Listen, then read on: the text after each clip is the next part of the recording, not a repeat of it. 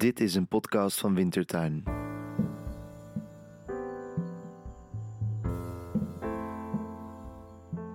Welkom bij Radio Debuut. In deze reeks worden kerstverse debutanten geïnterviewd over hun debuten en het belang van literatuur. In deze aflevering ga je luisteren naar Cel Merel Wenselaars in gesprek met Jan de Wortel. Dag, ik ben Cel Merel Wenselaars en bij mij zit Jante Wortel. Dag Jante. Hi. Hey. Je hebt een boek geschreven. Ja, klopt. Een debuut. Weer licht. Ja. Deze zomer is het uitgekomen. Ja, 8, eh 8 juli. 8 juli. We zijn Ja. nu drie maanden verder. Hoe voelt het? Ehm, ja, op zich wel goed. Het is ook heel anders wel dan ik verwacht had. Ehm, ik denk op de een of andere manier verwacht je toch dat er ineens van alles anders is. Eh, maar dan is het er en dan de dag daarna word je wakker en dan is er eigenlijk niks, niks anders. Wat, wat viel er te verwachten? Of had je, had je ergens een bepaalde verwachting? Of waar hield je rekening mee? Ehm, ja, je hoopt natuurlijk heel erg op eh, reacties, recensies. Ehm, ja, de reacties van mensen die het lezen.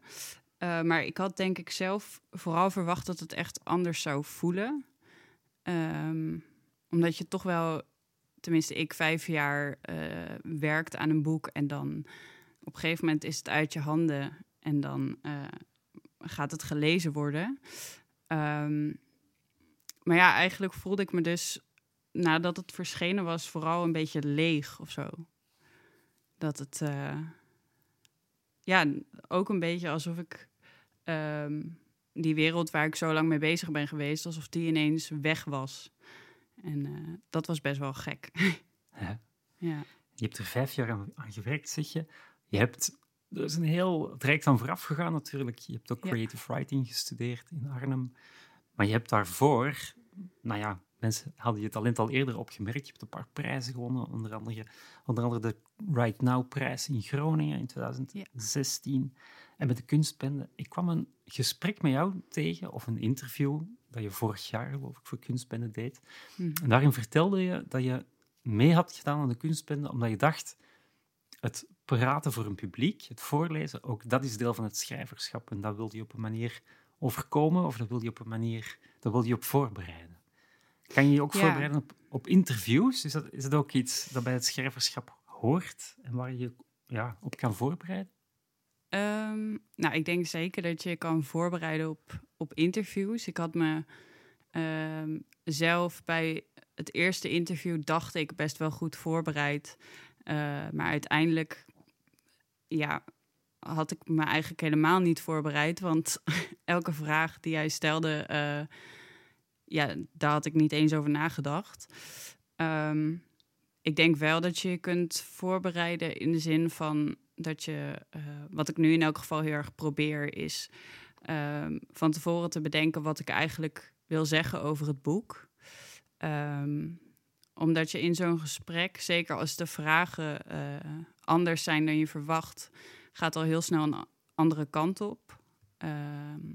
En ik denk, als je een interview voorbereidt, kun je wel enigszins sturen. eh, of in elk geval proberen te sturen waar je het over gaat hebben. Ja. Eh, dus als zoiets je dan ja, helemaal de verkeerde kant op gaat, dan kan ik misschien iets zeggen waardoor het toch weer terugkomt bij dat verhaal. Ja, of we spreken gewoon nu af dat je lekker tegenstuurt of zegt, nou, daar wil ik het werkelijk niet over hebben. Maar wat ik wel interessant vind, dat kan, eh, dat kan zeker. W- wanneer besefte je dat je schrijver was? Is daar een moment, een momentum? Ehm, ja, niet heel duidelijk. Ik heb ook wel heel lang het gevoel gehad dat ik eh, gewoon graag eh, schrijver wilde zijn. Dus niet per se was. Ehm, maar ja, toen ik nog op de middelbare school zat, toen. eh, en ook in de periode waarin ik. Eh, waar ik in het boek over schrijf, was ik heel erg. ehm, wilde ik heel graag zelf iets maken. En eh, ja, ik wist eigenlijk niet zo goed hoe of wat. Eh, maar toen begon ik aan een verhaal. Ehm, en dat werd steeds groter. En uh, naast school was ik gewoon alleen maar bezig met dat verhaal. En um, ja, ik denk dat ik toen wel bedacht van... oh, ik wil eigenlijk heel graag uh, schrijven of verhalen vertellen. Uh, en ja, zo kwam ik ook bij de opleiding uit. En uh, ja. Is er iets van dat verhaal ook binnengedruppeld in dit verhaal? Of is het een heel ander verhaal? Nee, dat is echt een heel ander verhaal. Um, ik denk erop terugkijkend dat ik me ook wel schaam voor dat verhaal. Um, um, ja, mijn moeder zegt nog steeds elke keer: Oh, je moet daar echt iets mee doen. Maar nee, het was denk ik voor mij gewoon meer een soort. Uh, het was heel fijn om dat te schrijven, maar het is niet per se. Um, het, ik zou het niet naar buiten brengen in elk geval. Dus buiten je moeder heeft niemand anders het gelezen? Uh, ja, mijn vader wel. En uh, mijn lerares Nederlands destijds. Uh, die heeft het ook gelezen. Um, en mijn moeder heeft het nog een keer uh, naar mijn vriend gemaild zonder mijn toestemming. en, kan echt niet. Nee, daar was ik wel boos over, ja. maar um, hij heeft het niet helemaal gelezen. Vooral omdat ik dat niet wilde. Dus. ja. nou ja, dit boek, het boek waar we het vandaag over hebben, is al gelezen en er is ja. reactie gekomen. Je hebt mooie recensies gekregen. Ja. Wat doet dat met je? Want dat, ineens moet dat, hè, je hebt er vijf jaar aan gewerkt, je zegt, ja, dat is dan in een soort beslotenheid, maar een paar mensen die meelezen, denk ik. Ja. En dan out and about. Hoe, uh, hoe, hoe was het eigenlijk om, om die commentaren te lezen? En heb je ook ja, lezers gehad die zich uh, tot jou hebben gericht? Um, ja, ik heb zeker wel ook uh, wat berichten gekregen van mensen die het uh, gelezen hebben uh, of die het aan het lezen waren en die um, er heel erg door geraakt werden ook. Um, en ja, dat was, waren eigenlijk wel ook de mooiste reacties waar ik heel erg op hoopte. van echt mensen die, het, die mij niet per se kennen, maar die dan het boek lezen en dan toch ook de behoefte voelen om hun reactie te delen uh, met mij. En uh, er in op een bepaalde manier ook wel iets aan gehad hebben. Uh, wat ik dan weer heel mooi vind. Ja. En ja. zo kritische recensies, lezen ze, lezen ze jouw boek? Lezen ze goed? Um, ja, de, de eerste echte recensie die er kwam was van de NRC. Um, een hele mooie recensie. En waarin ik ook echt wel teruglas uh, wat ik heel graag, uh, of wat ik er heel erg in had proberen te stoppen. Um, dus met die recensie was ik ook echt heel blij, omdat het ja, toen wel echt zo gelezen was uh, zoals mijn bedoeling was. Ja. En um, in andere recensies is dat ook wel zo. Um, ik, ja, eigenlijk ben ik over het algemeen wel. kan ik me heel erg vinden ook in, uh, in de dingen die erover geschreven zijn. Uh, ja. ja. Ja. De tekst op de achterkant hè, van je boek. Ja. Aan een rondreis door Noorwegen komt abrupt een einde. En of was deze vakantie altijd al gedoemd te mislukken? Hm. Helemaal raak. Daar kan ik me helemaal in vinden. En dan gaat het verder. Weerlicht is een moedige debuutroman over de verstikkende dynamiek van een gezin en de vraag hoe je iemand kunt helpen die zichzelf dwangmatig kapot maakt. Ja. Dat is zeker zo. Ja. dat, is, dat is zeker. Uh, maar het voelt ook wel als maar één interpretatie van het boek. Heb, heb jij deze tekst zelf geschreven? Ik vroeg het ook eerder al aan Corinne Herman. Ja. Um, nee, ik heb ja, een soort samengeschreven met, uh, met de redacteur. Um, achteraf gezien ben ik wel heel erg mee eens dat het inderdaad maar één interpretatie is van, van het boek.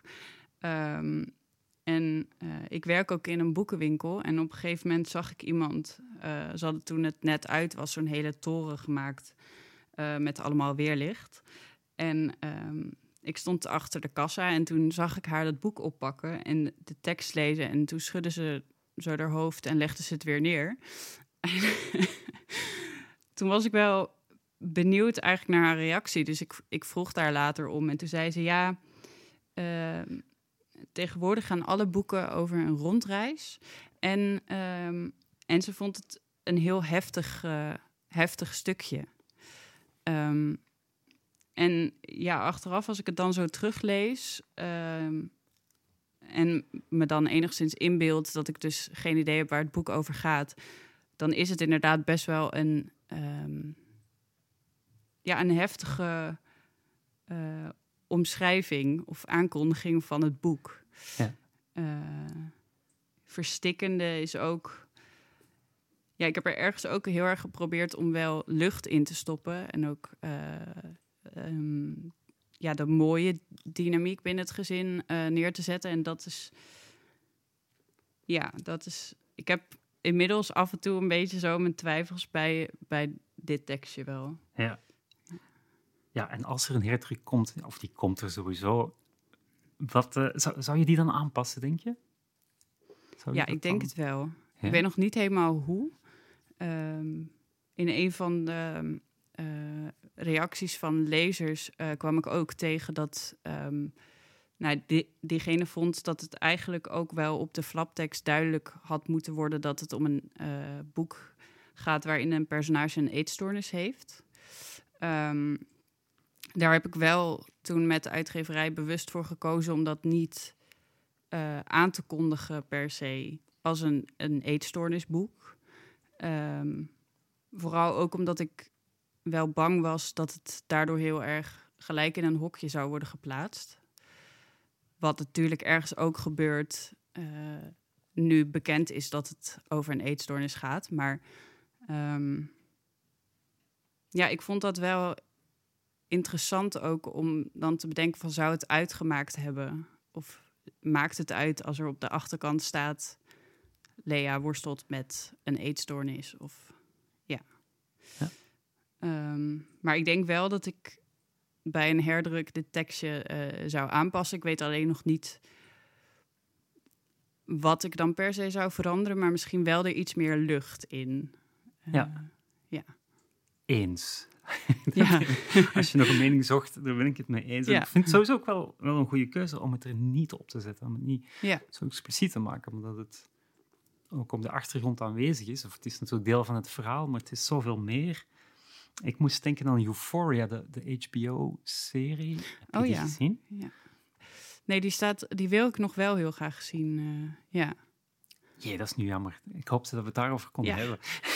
Ik zag eigenlijk best wel wat parallellen, omdat het... Nou ja, goed, dan moet ik het jou dus vertellen. Die, uh, je zou kunnen zeggen dat het over uh, drugs gaat en over de verslaving van het hoofdpersonage. Ook een jonge ja. vrouw, ook een tiener.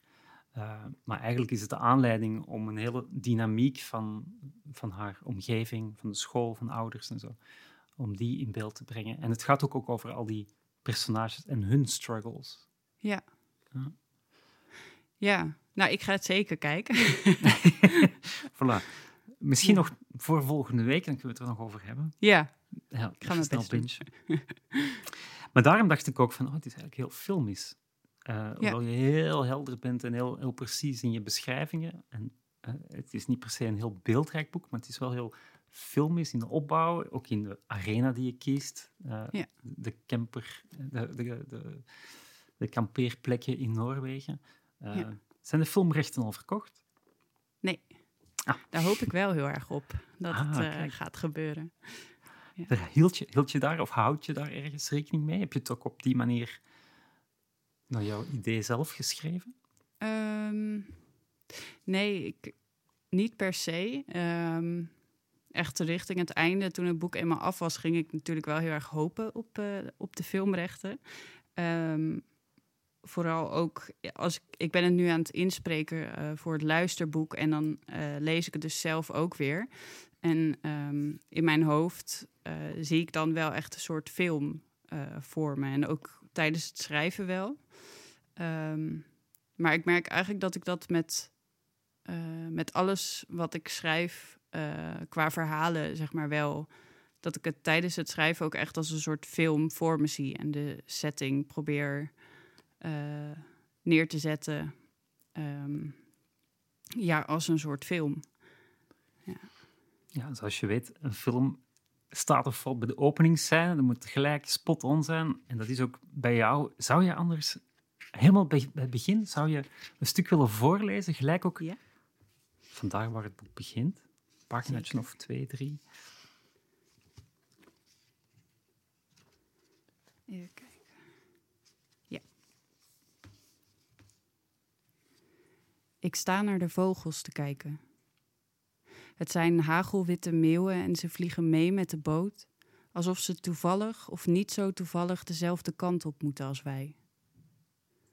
Af en toe blijft er eentje bewegingsloos in de lucht hangen, vleugels gespreid, balancerend op een strook wind. Vos maakt er foto's van. Lee, lach eens, zegt hij. Kappen, antwoord ik. Ik klem mijn vingers nog iets vaster om de reling en draai mijn hoofd de andere kant op. Als hij toch doorgaat, doe ik net alsof ik hem niet meer hoor en blijf geconcentreerd naar de lucht kijken. Het is halverwege augustus, maar hoewel de zon schijnt en de lucht strak blauw is, voelt het als een dag in februari. Zelfs onder alle lage kleren die ik aan heb, gaan mijn armharen nog recht overeind staan. We kunnen ook maar beter niet te veel verwachten van een Noorse zomer, zei mijn moeder een paar dagen geleden. Het weer in Noorwegen is vergelijkbaar met het weer in Nederland. Of je echt van een zomer kunt spreken, hangt maar net af van, ja, van wat eigenlijk. Soms is er regen, soms is er zon. Daar kun je de klok niet op gelijk zetten. Aan mij vroeg ze de avond voor vertrek nog hoeveel truien ik had ingepakt en stopte er na mijn antwoord nog twee vliesvesten bij. Dan kun je ze zelfs over elkaar aandoen, opperde ze, voor het geval dat echt nodig is. Ik knikte, al vroeg ik me af of ze met die voorzorgsmaatregel meer aan het doorzettingsvermogen van het weer hier of aan dat van mij twijfelde. Van Casper kreeg ik een kaart met drie bergen erop die gaf hij me de laatste keer dat hij bij ons thuis kwam. Heel veel succes, Lea, schreef hij. Ik heb er het volste vertrouwen in en niet vergeten als het lastig wordt, denk dan aan de helikopter. Zelf vond ik vooral de kleuren op de kaart mooi. Elke berg had een andere pasteltint, maar toch liepen de kleuren in elkaar over. En het totaalplaatje deed me denken aan de foto die ik te zien had gekregen toen ik Noorwegen googelde. Misschien kun je die kaart meenemen, zei mijn moeder, als geheugensteuntje. Maar ik heb hem aan mijn prikbord gehangen. Dat leek me een prima plek. Ik heb helemaal geen geheugensteuntje nodig. Mijn vader is tenslotte ook mee en als er iemand is die me constant helpt herinneren aan de gemaakte afspraken, dan is hij het wel. Bij twee overtredingen verlies ik een deel van mijn herwonnen vrijheid. Bij meer dan twee overtredingen gaan we naar huis, mag ik niet meer zelf kiezen dan moet ik naar mijn ouders luisteren. Ja, ik ga je straks nog een stuk vragen. Maar denk je wel.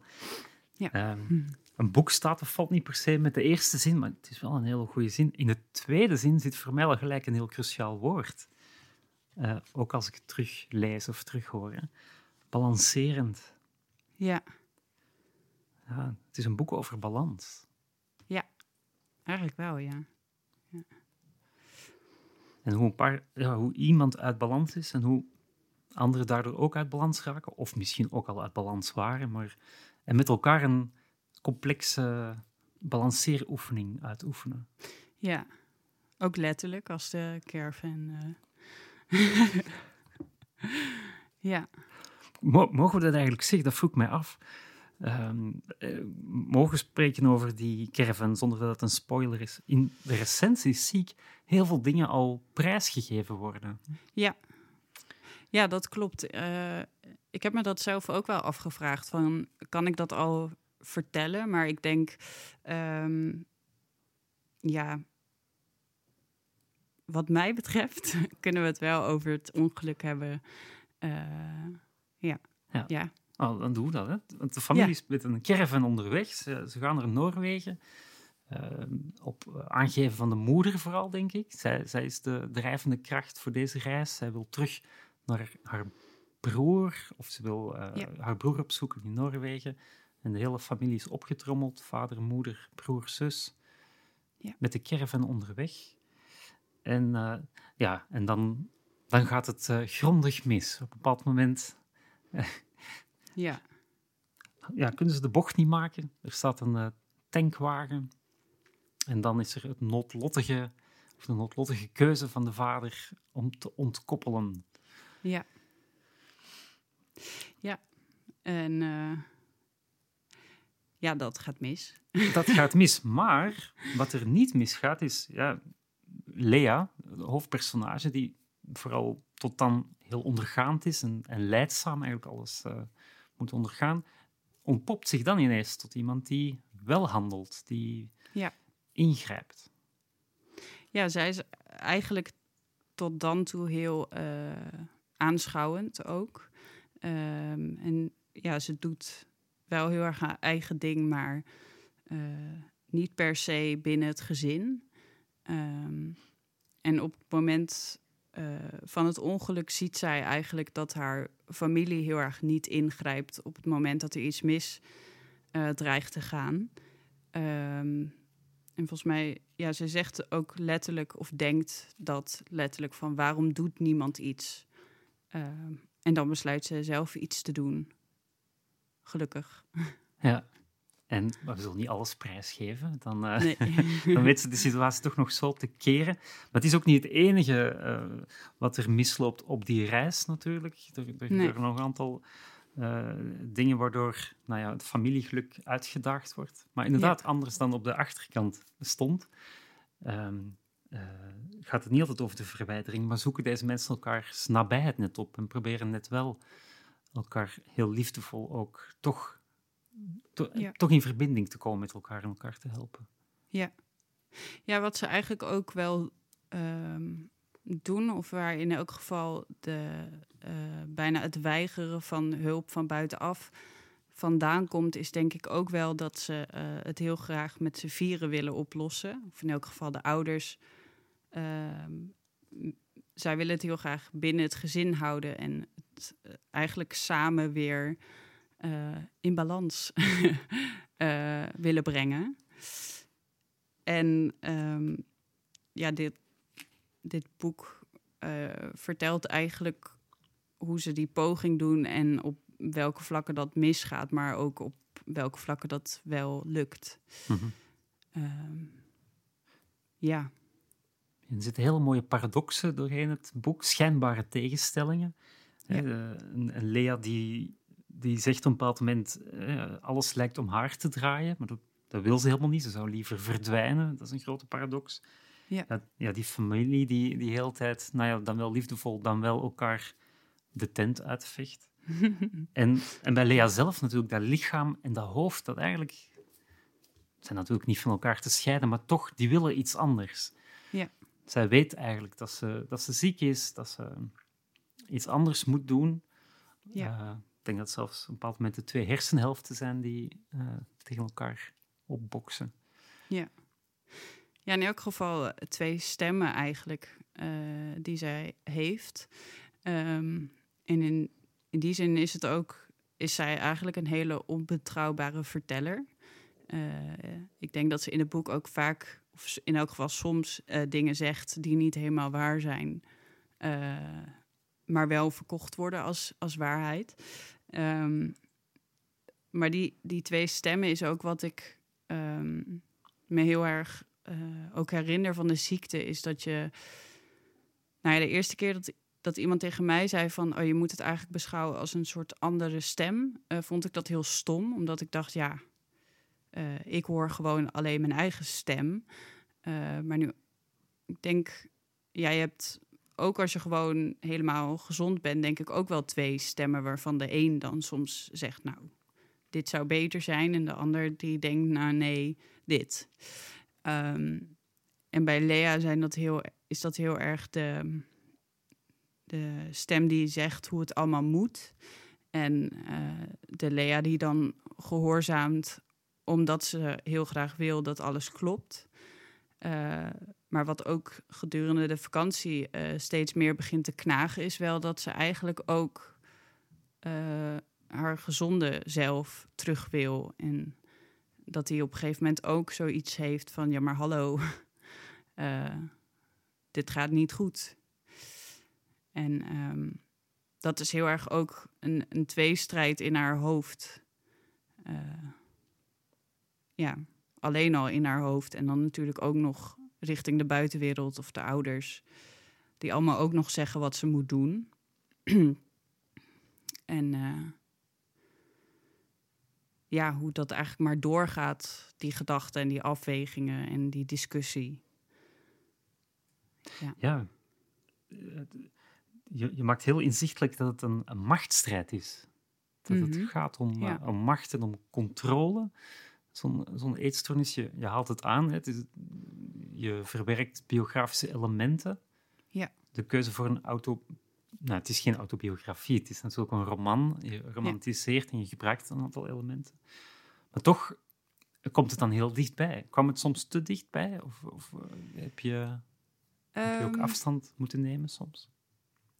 Ja, het kwam op een gegeven moment wel, wel heel dichtbij. Uh, omdat ik... Um, nou ja, dit, dit boek is niet vier of vijf jaar lang het boek geweest waar ik aan werkte. Dat was eigenlijk pas in, het la, in de laatste anderhalf jaar dat, um, dat over dit onderwerp ging. En um, ik heb toen ook nog wel vrij snel een eerste versie geschreven waarin ja, eigenlijk de, de, het overgrote deel van het boek zoals het nu is ook uh, stond.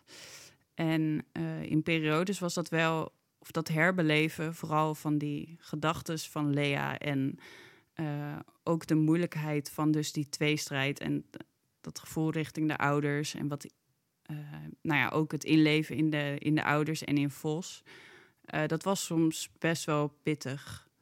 Um, en gelukkig niet in de zin van dat ik die gedachten weer ging herbeleven, maar wel dat terugdenken aan en uh, weer in het hoofd kruipen van.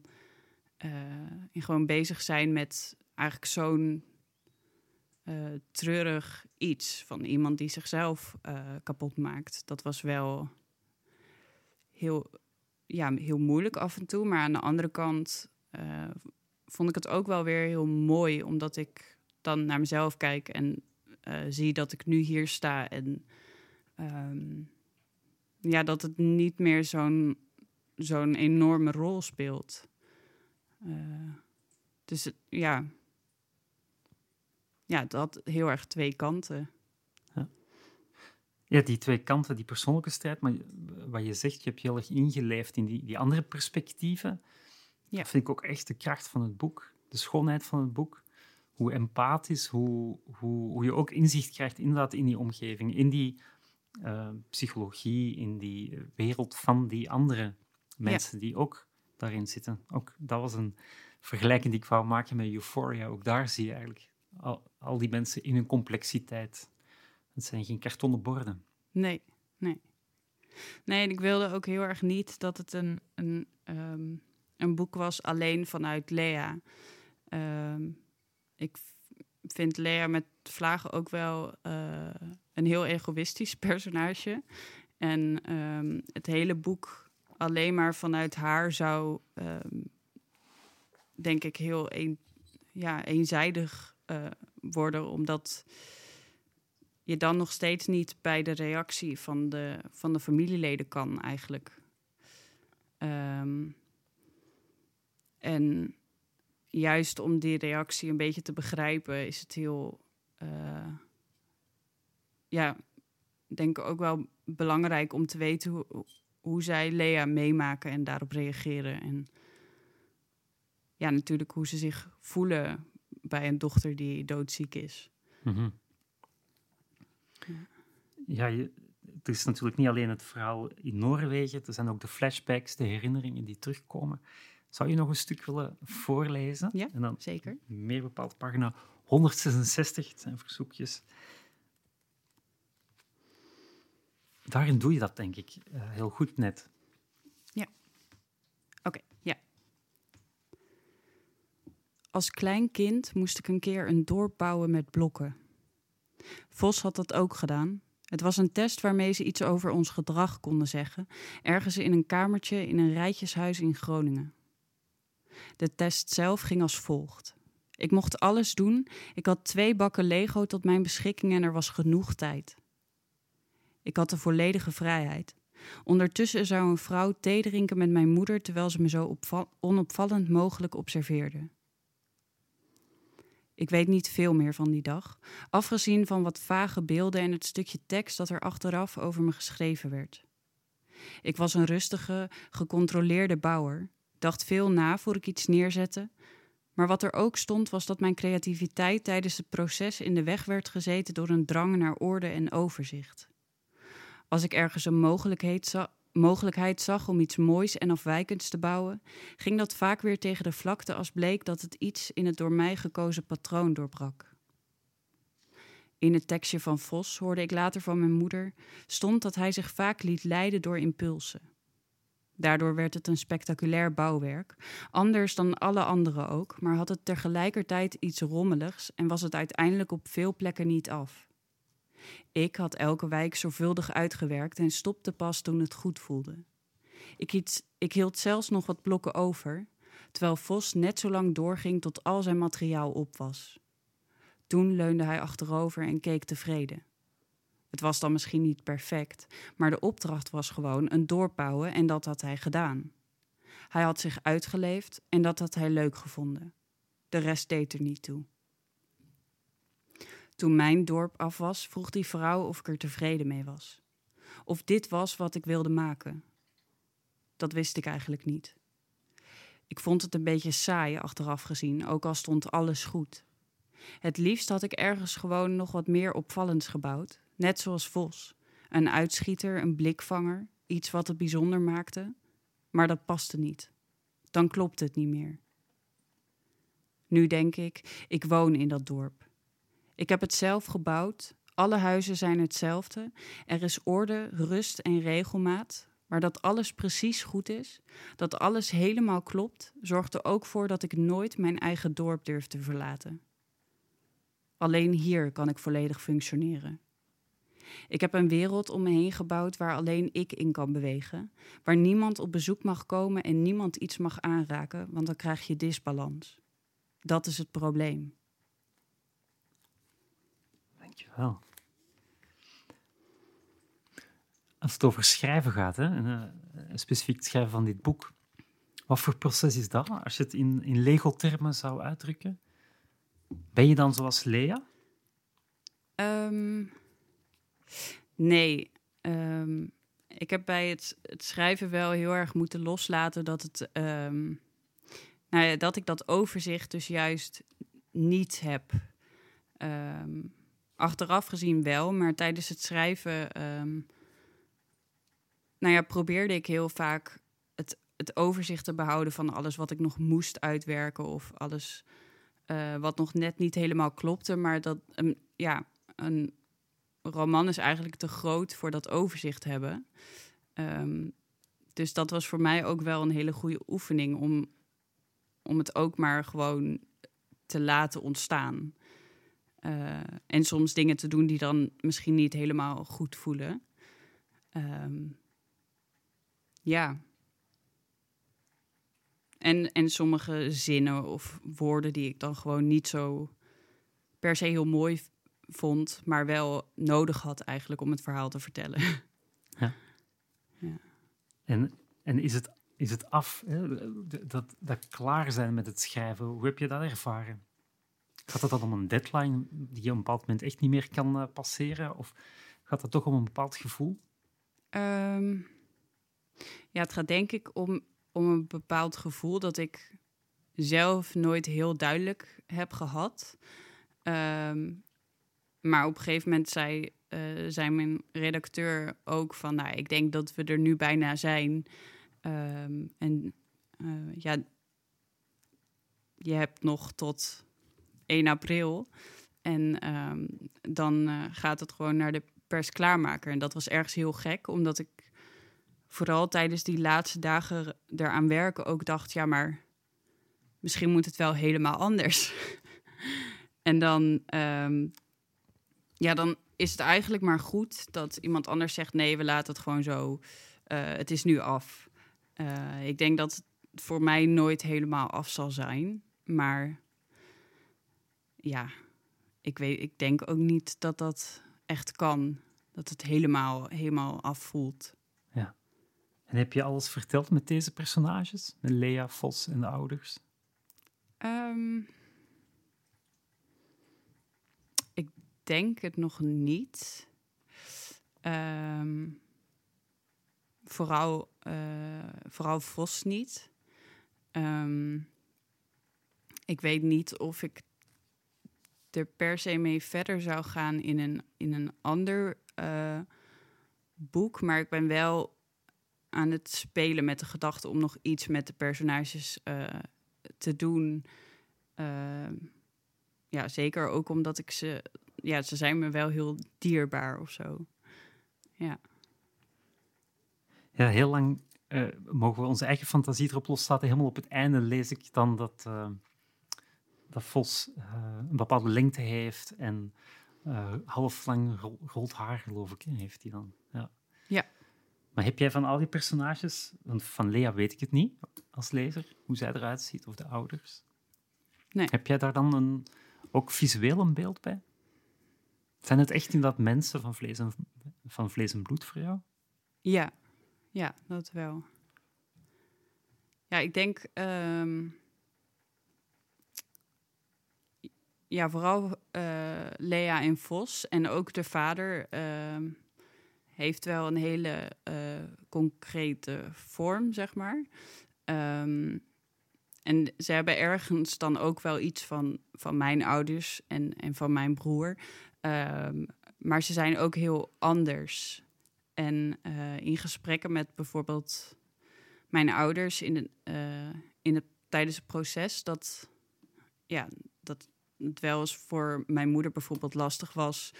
Um, dat het in het verhaal dan over een moeder gaat, maar dat zij dat niet is. Um, heb ik ook wel eens tegen haar gezegd van. Maar voor mij zijn de ouders in het boek hele andere mensen dan jullie. Um, en ja, ik weet niet of ik ze per se. Uh, ja, nee, het zijn wel, het, het zijn wel echt mensen uh, voor mij. Ja. Hm. Ik zou dan willen vragen hoe Lea eruit ziet, maar dat ga je niet zeggen. Hè? Nee. dat is heel goed. Heb je het aan je ouders laten lezen terwijl je ermee bezig was? Uh, nee, pas, uh, pas aan het einde toen het al uh, persklaar was. Ja. Mijn vader heeft er nog een, een fout uitgehaald. Oh. Toen het al bij de drukker lag, heb ik helemaal in paniek mijn redacteur gebeld. Er staat nog een fout in. En ehm, die kon er toen nog net uitgehaald worden, dus daar ben ik heel blij mee.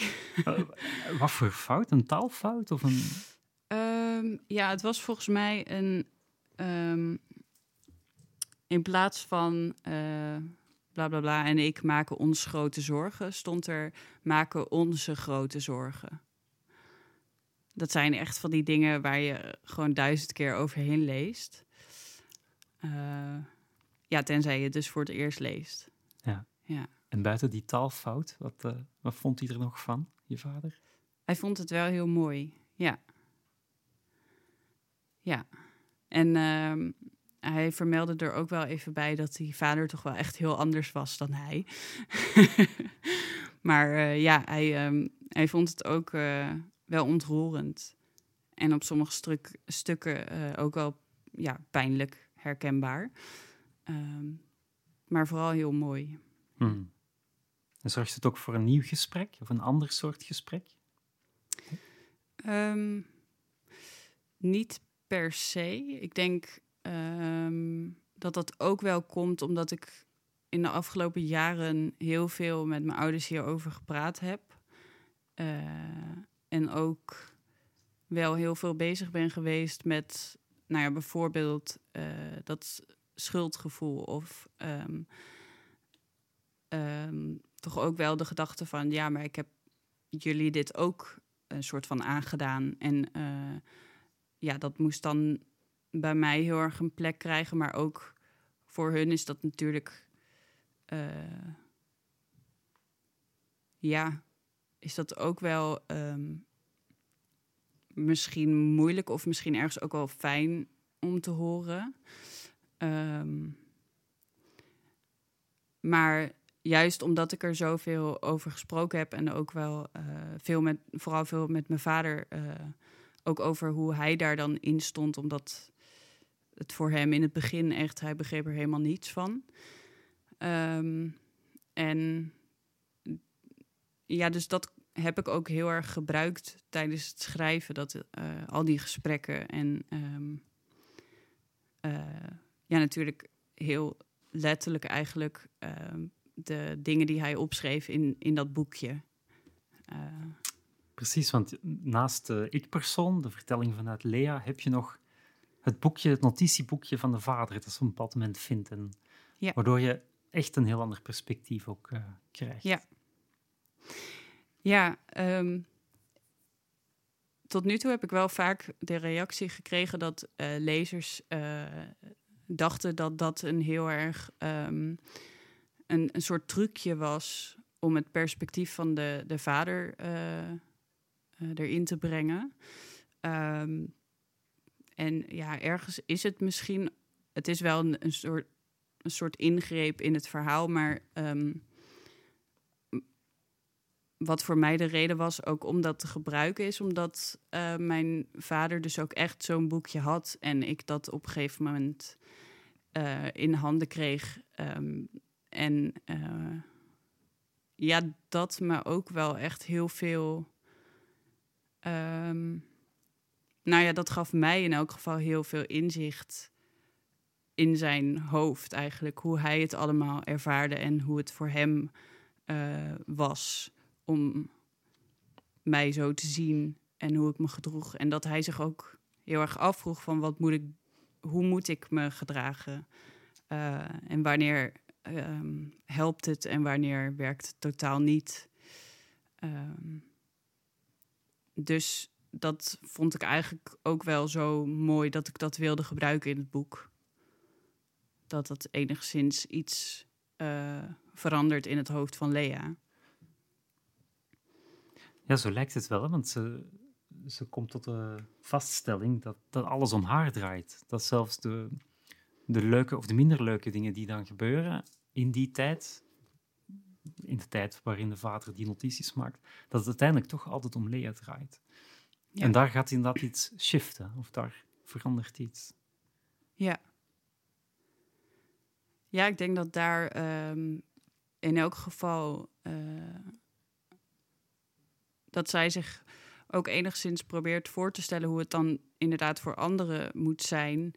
Um, of dat ze in elk geval een beetje uit haar hoofd komt en ziet uh, dat het hele gezin, uh, dat zij het hele gezin eigenlijk bestuurt. Um, en dat, ook al wil ze dat dan misschien niet, omdat ze alles graag op haar manier wil doen, maar door alles op haar manier te doen, uh, dwingt ze daarmee de rest ook iets te doen, of in elk geval ergens omheen te bewegen. En op een gegeven moment wordt dat zo groot.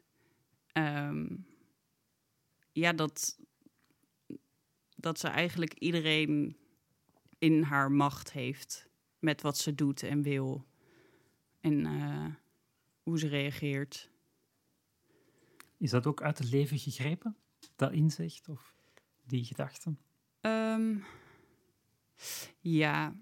ja, ik denk wel dat het iets is wat niet per se um, op dat moment plaatsvindt.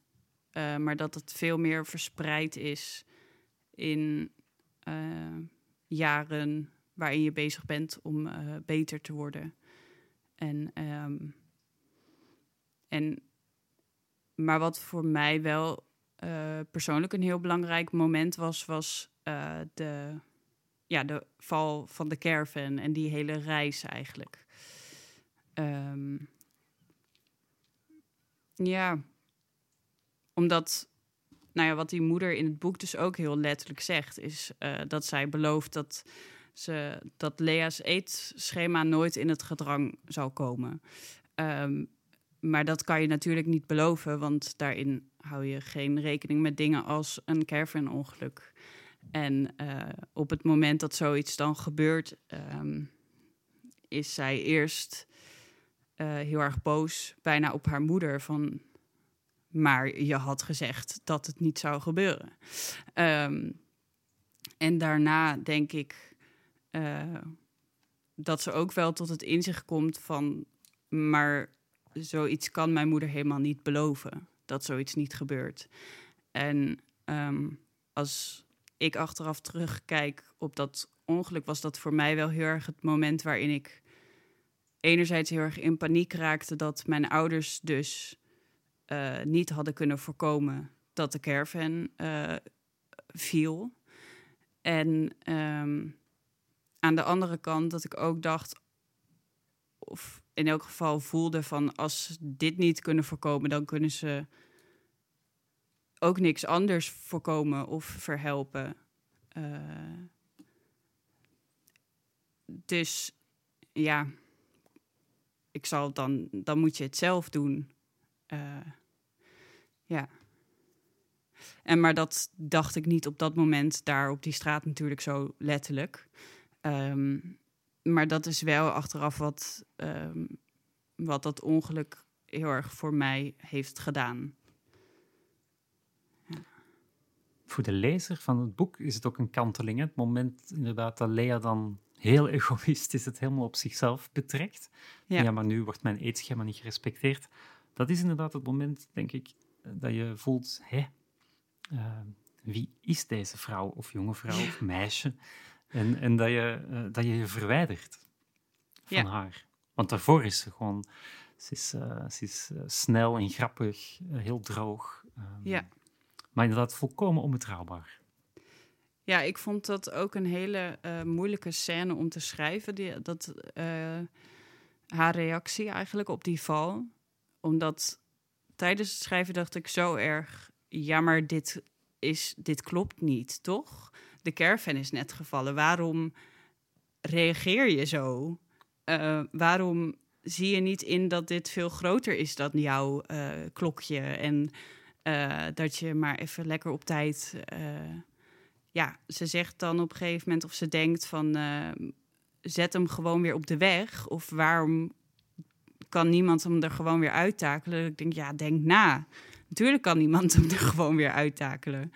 Um, en, maar ik moest wel op die manier erover schrijven, want dat is heel erg hoe zij op dat moment reageert. En dat is natuurlijk heel wrang eigenlijk, of heel dubbel, omdat je wil niet ik wil niet dat mijn personage zo reageert, maar dat doet ze wel. Um, dus ja, daarin eh, ga je als lezer ook wel. Waarschijnlijk is dat het punt waarop veel lezers ook wel denken van nou, Jezus, doe eens normaal. Ja. ja. Ja, ik ook, absoluut. Ja. maar het is een roman en een, en een hele goede roman, een hele knappe roman. Uh, ik vind het ook heel knap dat je die biografische elementen toch tot, tot iets kan verheffen, tot kunst kan of weet te verheffen. Heb je dat met een bepaald publiek in, dachten, in gedachten uh, geschreven, gemaakt? Um, ja, ik denk vooral um, met toch wel de. Um, ja, wat meer literatuurlezers in gedachten. Dus echt wel mensen die um, ja, zoeken naar niet per se een boek dat alleen maar gaat over een personage met een eetstoornis of alleen maar een simpel uh, verhaal. Um, maar door dit onderwerp um, hoopte ik ook wel een lezer te bereiken die op de een of andere manier iets te maken heeft met zo iemand met een eetstoornis. Uh, ofwel ouders of um, mensen die er zelf mee te maken hebben, of iemand in hun omgeving hebben die er mee te maken hebben. Um, en misschien ook wel uh, hulpverleners. Om het ja, toch enigszins uh, ook wat meer vanuit de kant van, van de eetstoornis te laten zien. En hoe uh, ja, ingewikkeld en tegenstrijdig dat kan zijn. Ja. Ja, je krijgt inderdaad een heel helder inzicht in het hoofd van iemand met een eetstoornis. Met iemand met die ziekte. Jante, als je een volgend boek... Je bent ongetwijfeld al met een volgend boek bezig. Ga je terug zo onder je huid kruipen? Of, of uh, ga je wat meer afstand tot jezelf nemen? Mm, ik denk wel uh, uh, terug onder de huid, maar um, wel op een heel andere manier. Um, ik, ik hou er heel erg van om uh, echt wel um, heel dicht in het, bij het personage te zitten. En ook heel erg die dynamiek tussen verschillende personages te onderzoeken en uit te werken. Ik denk wel dat het iets verder van mijn eigen ervaringen af zal staan. Um, en ja, wat ik ook wel hoop, denk ik, of wat ik graag wil, is dat het onderwerp uh, iets minder zwaar is. Um, maar daarmee niet uh, ja, minder belangrijk of dat het gewoon maar iets willekeurigs is. Maar ja, dit is natuurlijk wel ook een heel heftig iets. Uh, en ik denk dat ik in die zin wel weer wat minder onder de huid veel zitten. Ja. ja. En, en, stilistisch? Denk je, denk je daar al, of heb je daar al een idee bij? Mm. Ja. Um, ik las ergens in de reacties dat ik heel uh, spaarzaam ben met beelden. Um, ik denk dat ik dat wel zal blijven, hoewel er misschien wel iets meer um, ja, dit, dit is natuurlijk ook een personage van 15. Uh, en het zou ja, misschien toch best wel gek zijn als dat dan heel bloemrijk verteld is. Um, maar ik denk dat ik qua stijl wel weer wat dingen zou willen uitproberen ook. Um, ja. En nog steeds, ik hou heel erg van het beeldende, maar mijn stijl is ook wel vrij kort eh, of vrij helder. Um, en ik denk ergens dat dat ook altijd wel een beetje zo zal blijven.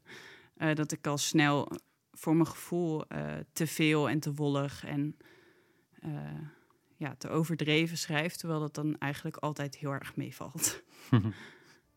Is het dan vijf jaar 2027 dat we de volgende Jan de Wortel ja. kunnen lezen?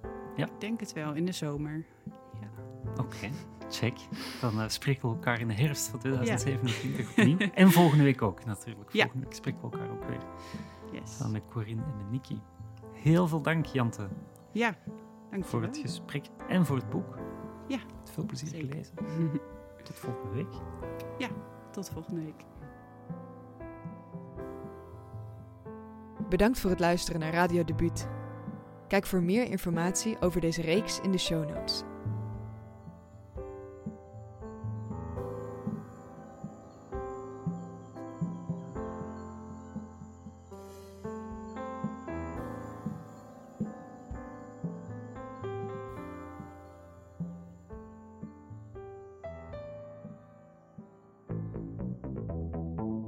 Was een podcast van Wintertuin, aangesloten bij de Nieuwe Oost. Volg ons via jouw favoriete podcast-app voor meer podcasts over verhalen, literatuur en schrijven. Tot de volgende keer.